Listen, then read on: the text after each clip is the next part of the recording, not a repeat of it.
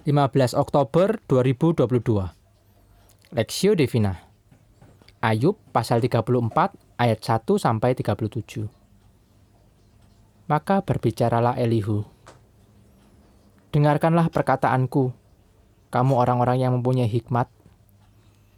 Berilah telinga kepadaku kamu orang-orang yang berakal budi. Karena telinga itu menguji kata-kata seperti langit-langit mencecap makanan biarlah kita memutuskan bagi kita sendiri apa yang adil, menentukan bersama-sama apa yang baik. Karena Ayub berkata, "Aku benar, tetapi Allah mengambil hakku. Kendati aku mempunyai hak, aku dianggap berdusta. Sekalipun aku tidak melakukan pelanggaran, lukaku tidak dapat disembuh, tidak dapat sembuh lagi." Siapakah seperti Ayub yang minum hujatan terhadap Allah seperti air. Yang mencari persekutuan dengan orang-orang yang melakukan kejahatan dan bergaul dengan orang-orang fasik.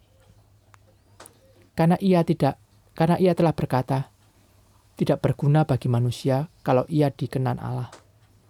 Oleh sebab itu, kamu orang-orang yang berakal budi, dengarkanlah aku. Jauhlah daripada Allah untuk melakukan kefasikan, dan daripada yang maha kuasa untuk berbuat curang. Malah ia menghajar manusia sesuai perbuatannya dan membuat setiap orang mengalami sesuai kelakuannya. Sungguh, Allah tidak berlaku curang. Yang maha kuasa tidak membengkokkan keadilan. Siapa mempercayakan bumi kepadanya? Siapa membebankan alam semesta kepadanya? Jikalau ia menarik kembali rohnya, dan mengembalikan nafasnya kepadanya. Maka binasalah bersama-sama segala yang hidup, dan kembalilah manusia kepada debu. Jikalau engkau berakal budi, dengarkanlah ini. Pasanglah telinga kepada apa yang kuucapkan. Dapatkah pembenci keadilan memegang kekuasaan? Dan apakah engkau mau mempersalahkan dia yang adil dan perkasa? Dia yang berfirman kepada raja, hai orang dursilah, kepada para, peng, para kepada para bangsawan, hai orang fasik. Dia yang tidak memihak kepada para pembesar dan tidak mengutamakan yang terkemuka daripada orang kecil, karena mereka sekalian adalah buatan tangannya. Dalam sekejap mata, mereka mati. Ya, pada tengah malam orang dikejutkan dan binasa. Mereka yang perkasa dilenyapkan bukan oleh tangan orang, karena matanya mengawasi jalan manusia, dan ia melihat segala langkahnya. Tidak ada kegelapan ataupun kelam kabut di mana orang-orang yang melakukan kejahatan dapat bersembunyi. Karena bagi manusia, ia tidak menentukan waktu untuk datang menghadap Allah supaya diadili. Orang-orang yang perkasa diremukannya dengan tidak di diperiksa, dan orang-orang lain diangkatnya ganti mereka. Jadi, ia mengetahui perbuatan mereka dan menggulingkan mereka di waktu malam, sehingga mereka hancur lebur. Mereka ditamparnya karena kefasikan mereka dengan dilihat orang banyak. Karena mereka meninggalkannya dan tidak mengindahkan satupun daripada jalannya.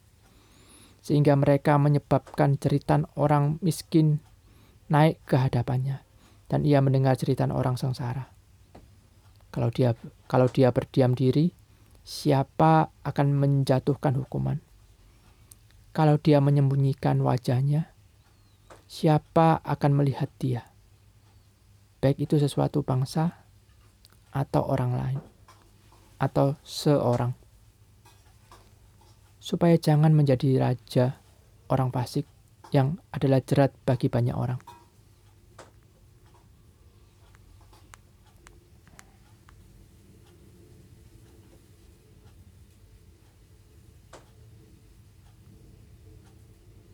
Tetapi kalau seseorang berkata kepada Allah, "Aku telah menyombongkan diri, tetapi aku tidak akan lagi berbuat jahat." Apa yang tidak ku mengerti, ajarkanlah kepadaku.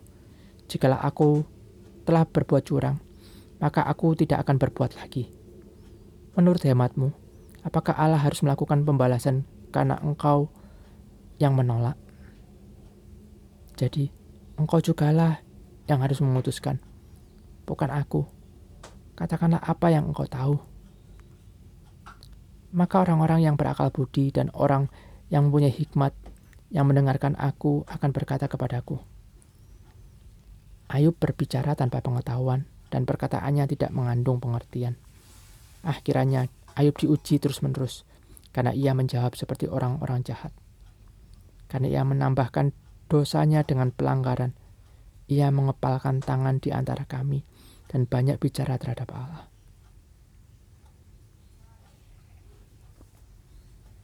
Allah tidak berlaku curang perspektif.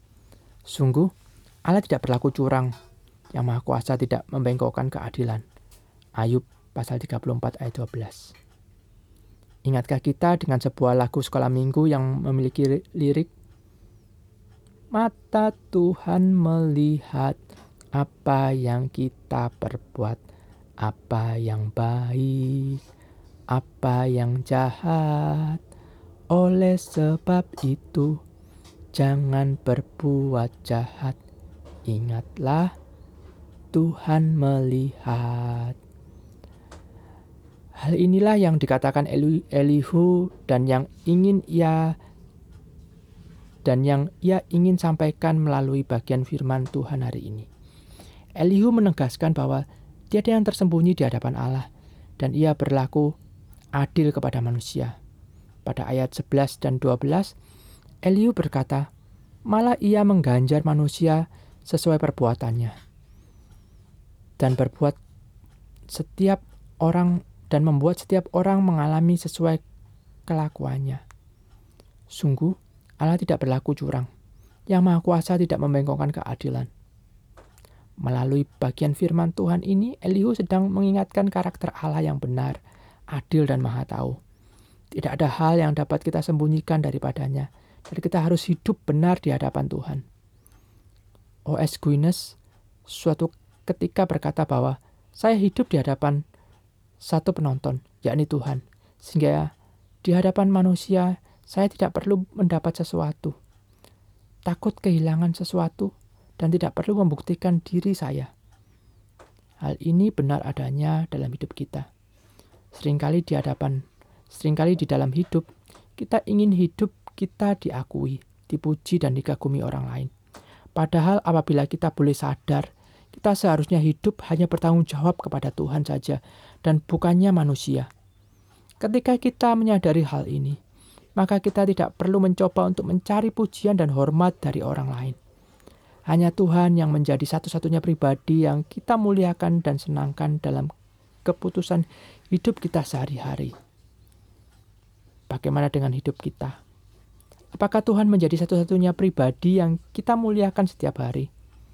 Ketika mengambil berbagai macam keputusan, apakah kita telah memastikan bahwa segala keputusan kita berkenan di hadapan Tuhan?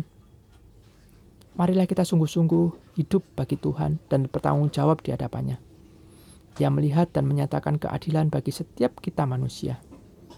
Ia tidak berlaku curang, tetapi adil. Mari hidup bagi Tuhan. Studi pribadi. Bagaimana cara atau pola hidup kita sekarang saat ini? Adakah kita sadar bahwa Tuhan melihat kehidupan kita? Mari ambil waktu untuk mengevaluasi cara atau pola hidup kita dan meluruskan tujuan hidup kita untuk hidup baginya.